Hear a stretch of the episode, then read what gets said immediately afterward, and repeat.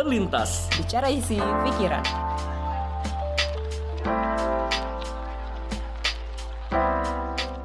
Kenapa kita justru lebih akrab istilah oral sex, sepong, blowjob, masturbasi, atau trisam ketimbang herpes simplex atau smegma? Bisa jadi karena kita kelewat menikmati seks ketimbang memaknainya. Kita melakukan seks tetapi menabukannya.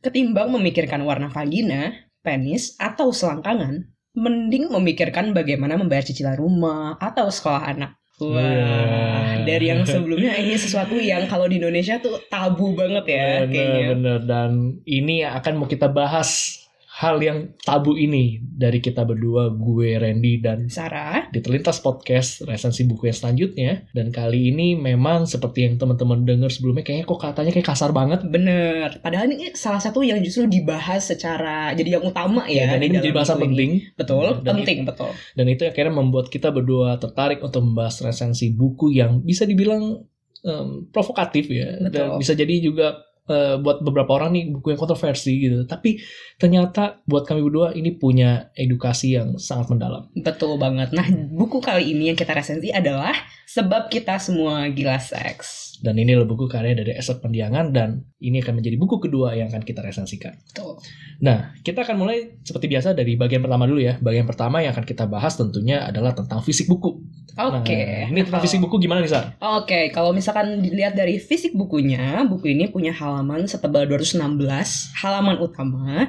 Lalu yang punya kita adalah cetakan pertama tahun 2021. Jadi Iya. ini cukup baru Hmm. dan diterbitkan oleh EA Books, buku Mojok Group. Oke, mungkin lu bisa kasih sedikit nih latar belakang autornya nih. Iya, dan seperti yang tadi disebutkan sebelumnya, yang membuat buku ini adalah Esther Pandiangan. Nah, beliau adalah seorang penulis yang punya beragam pengalaman, mulai dari menulis berita, esai, cerita pendek, novel, dan bahkan banyak lagi bentuk-bentuk tulisan yang sudah dilahirkan oleh beliau. Dan Esther sendiri ini memiliki dola- 12 tahun pengalaman di bidang komunikasi dan media dan juga memiliki minat pada edukasi seks sehingga buku ini tercipta dan ini buku kedua ya. Yes, Setelah buku pertama dia juga sempat membuat akibat menabuhkan seks betul. dan itu kurang lebih gambaran umum dari buku yang akan kita bahas dari segi fisik dan juga siapa autornya. Betul. Nah, eh, peruntukannya buku ini, ini kita harus kasih caution ya, bahwa Iya. buku ini ditunjukkan untuk 21 tahun ke atas. Iya, dan jadi kalau bagi yang belum 21 tahun ke atas mungkin Tunggu ulang tahun Tunggu, ya. tunggu jangan dibaca dulu ya karena memang kalau kita harus taat aturan ya kalau buku Hmm. ini udah dianjurkan untuk 21 tahun ke atas nah lebih baik yang belum umurnya jangan membaca buku ini Betul. dan buku ini pada dasarnya itu memiliki beberapa bagian ya Betul.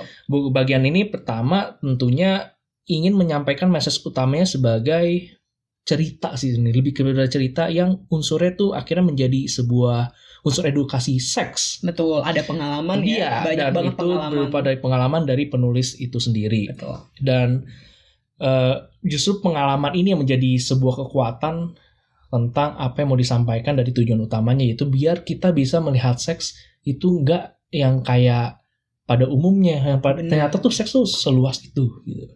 Dan berikut adalah daftar isinya ya. Dan Yes. daftar isinya ini tuh terdiri dari empat bab.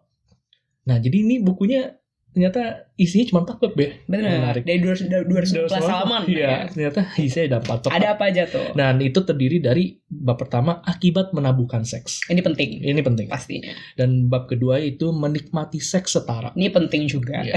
Dan di bab ketiga membahas tentang penyakit kelamin mengintaimu. Ini pasti penting Apalagi juga. dan di bagian eh, bab terakhirnya yaitu memiliki judul bagaimana laki-laki yang memburu. Nah, ini setiap bagian dari bab-bab ini tuh merupakan esai-esai yang udah dibuat sama Esther dan berdasarkan dari pengalaman pribadi tentu disisipkan juga beberapa dari sumber-sumber lain ya seperti penelitian dari jurnal-jurnal dan sebagainya. Dan tentunya gaya penulisannya ini sifatnya bernarasi, Betul. ya storytelling banget lah ya. Ini kita kayak Kayak diary cerita, ya. iya, kita membaca cerita yang tentunya akhirnya membukakan mata kita bahwa ternyata seks itu ternyata perlu dihayati, dimaknai secara mendalam, bukan sekadar enak-enak aja. Betul, nggak cuma enak-enak aja. Iya. Nah ini penting. Nah kita mau langsung masuk lagi nih. Ada beberapa hal yang menarik, pembahasan menarik yang Iya. mungkin bisa nggak spoiler buat kalian. Tapi kalau lebih nih kasih inilah, gini ya, kita ada kasih, beberapa kasih clue dikit lah ini yang menurut kita apa menarik gitu ya. Nah, pertama ada pembahasan mengenai menstruasi sama dengan menjijikan. Padahal natural. Padahal nah, ini natural, kan bener. banyak banget ya. Maksudnya kayak kita pas kecil ya mungkin kayak wanita Khususnya nih, wanita ya. Bener. Hmm. Eh, jangan suntik jorok atau apa Jorok, gitu. Terus iya. orang kalau misalkan laki-laki gitu ya, dia kadang ya ada yang kayak "Ih, itu darah kotor Darah gitu dan segala kotor gitu. macam-macam. Nah, itu itu menarik gitu menurut menurut kita gitu. Iya, dan itu dibahas ya dan diluruskan Betul, gitu. betul. Lalu ada banyak lagi misalkan kayak eh, dia juga bahas kalau seks itu nggak hanya rekreasional. Jadi Bener. bukan kayak aduh bosen, aduh gue stres pengen lepasin lewat seks, tapi dia Iya. juga punya oh, lagi apa pengen ya? muasin eh, hasrat aja gitu ya. Bener. Jadi pi- eh, seks sendiri tuh juga apa ya sebagai simbol keintiman, hal yang juga sakral. Kalau misalkan dari sisi penulis yang mana gue setuju juga. Jadi em, ini juga mau dibahas kita bagaimana kita memaknai seks itu sendiri lebih dari yang kayak tadi rekreasional. Terus ada juga yang cukup penting dan juga menarik adalah ada pembahasan mengenai stereotip atau pandangan umum yang kayaknya melenceng deh di Benar. masyarakat atau kayak debatable lah ya. Dan Maksudnya- orang telanjur percayakan hal itu gitu. Bener dan Hmm. kadang susahnya adalah orang nggak mikir lebih jauh ya ini sebenarnya gimana sih Iya. menurut pandangannya ah, gimana sih misalnya pandangan wanita atau Hmm. pandangan pria nah ini bakal dibahas juga terus juga ada yang eh, ada lagi nih pembahasan yang seru apakah ukuran itu memiliki arti penting Weh. Jadi apakah ukuran itu ternyata sebegitu pentingnya? Bener kan ada gini kan ah kalau Asia mah bule mah bule mah jauh lebih Iya, puas yang, yang gitu. besar lebih menyenangkan gitu. betul padahal nggak cuma soal ukuran gitu. Iya. Lalu juga ada bahasan apakah wanita yang di bar itu pasti udah gampang untuk diajak seks? Nah, ini juga yang perlu diluruskan. Hmm, banget Iya. Dan ada banyak lagi ya contoh-contohnya seperti apa lagi yang dibahas? Eh, ada juga pembahasan yang khusus soal eh, laki-lakinya juga dan bagaimana obsesi laki-laki dan gimana kita nih gua salah satu mewakili dari teman-teman wanita kita ngeresponnya gimana sih gitu dari ya dari apa yang laki-laki pikirkan apa yang Benar. laki-laki eh, punya pandangan tertentu terhadap seks itu sendiri. Iya, jadi ke, kita berdua melihat bahwa buku ini oke banget ya. Ditujukan sebenarnya memang untuk orang yang memang karena ini 21 tahun ke atas saya udah jelas lah ya, berarti harus kepada siapa. Ditujukan kepada orang-orang yang memang sudah tahu tentang seks tapi ternyata perlu mendalaminya lagi. Betul, Iya, jadi ternyata seks itu bukan hanya sekedar yang memuaskan hasrat diri dan enak-enak aja. betul luas lah. luas gitu ya, banget, luas banget dan buku ini menjelaskan secara baik. Dan itulah isi kurang lebih buku yang mau digambarkan. Dan sekarang kita masuk ke bagian terakhir nih, Sam. Yes, Yaitu yang ini yang bagian penting juga kita harus mengkritisi juga tentang buku ini yaitu kelebihan dan kekurangannya. benar. Nah, menurut kami berdua, kelebihan dari buku ini adalah satu, bacaan buku ini tuh menampilkan realitas tentang seks yang mampu membawa pembaca untuk memahami hal-hal yang mungkin selama ini keliru atau dianggap tabu Benar, Nah, jadi tertentu benar. gitu ya. dan membukakan juga bahwa seks itu juga nggak bukan sekadar enak tapi juga harus dimaknai dan juga harus aman. Betul. Hmm.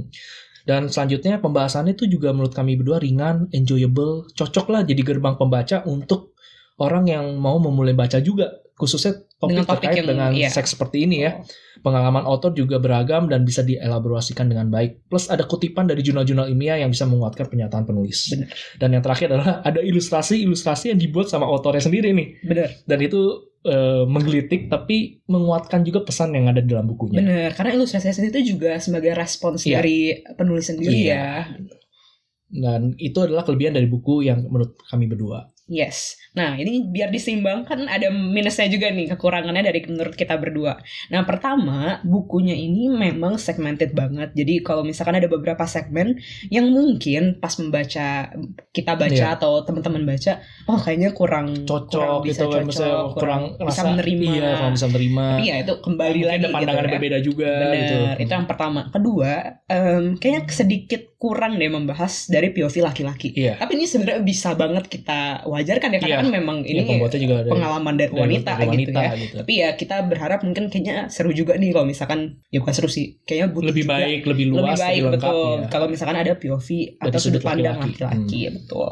Nah, yang ketiga adalah mungkin ada beberapa pernyataan yang akan lebih kuat lagi jika ditambahkan sumber literatur yang lebih banyak sih. Iya, tertentu Gitu. yang memang juga benar-benar eh, lengkap juga ya. Maksudnya Benar. penelitiannya seperti apa, dari mana dan itu benar-benar mendukung pernyataan dari penulis. makin kuat aja sih Iya, sebenarnya karena sebenarnya kuat. Iya. udah udah dilengkapi sebenarnya.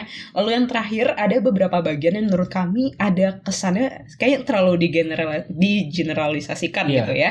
Atau mungkin mungkin emang uh, kurang dielaborasi, kurang dielaborasi lebih jauh, aja Hmm. sih kayak gitu. Jadi sehingga ada yang mungkin kami berdua menangkapnya ada hal yang mungkin bisa dilengkapi ya bisa sebenarnya. dilengkapi, tapi ini bisa menjadi hal yang berbeda-beda dibaca sama orang lain. Bener. Nah ini yang tentunya menurut kami buku ini bisa lebih kuat kalau misalkan dibuat demikian. Benar. Tapi tetap buku yang Ini tetap kita buku layak yang- dibaca banget sih. Dan bahkan harus sih kayaknya ya. Oke. Ya, benar-benar eh, ini banget. hanya judulnya aja yang provokatif, tapi isinya lebih ke membukakan mata kita bahwa seks itu ternyata lebih dari apa yang kita tahu. lebih dari sekedar i atau sekedar Dan itu enak gitu. sebenarnya nggak apa-apa dibicarakan. Bener banget. Iya. Kayak misalnya kita di sini kita Iya. resensiin gitu ya. Kita berani akhirnya membicarakan ini. Betul. Iya, dan paling itulah ya yang mau kita bahas resensi buku kedua yang kami angkat yaitu sebab kita semua gila seks dari karya Esther Pandiangan. Perpanjangan. Dan semoga buku ini bisa menggelitik teman-teman dan tertarik untuk baca dan temukan apa yang pesan-pesan ada di balik buku itu. Betul. Jadi kayak tadi Randy bilang, seks bukan hanya enak-enak, Iya. tapi seks juga perlu dimaknai. gitu Dan ya. juga harus aman. Oh iya, aman. Eh. Betul. Nah itu aja sih paling dari resensi kita, Kita kali ini di episode kedua Terlintas Podcast tentang resensi buku dan kita Betul. akan berjumpa lagi di episode selanjutnya dengan buku yang Yang- akan kami resensikan yang tentunya berbeda lagi ya. Yes, betul. Iya. Jadi ya selamat membaca buat teman-teman Iya. semua. Dan cari aja di e-commerce nih ada dijual banyak. Betul. Hmm, Harganya beragam, cari aja yang cocok dan murah. Ya, Oke, sesuai yang penting asli ya. ya, yang penting Oh asli iya, dan asli, original. benar, benar, Jangan benar. beli yang bajakan. Betul, betul. Oke, dah. Ini aja akhir dari perjumpaan kita bersama gue Randy. Gua Sarah. Sampai jumpa di episode selanjutnya. Bye-bye. Bye.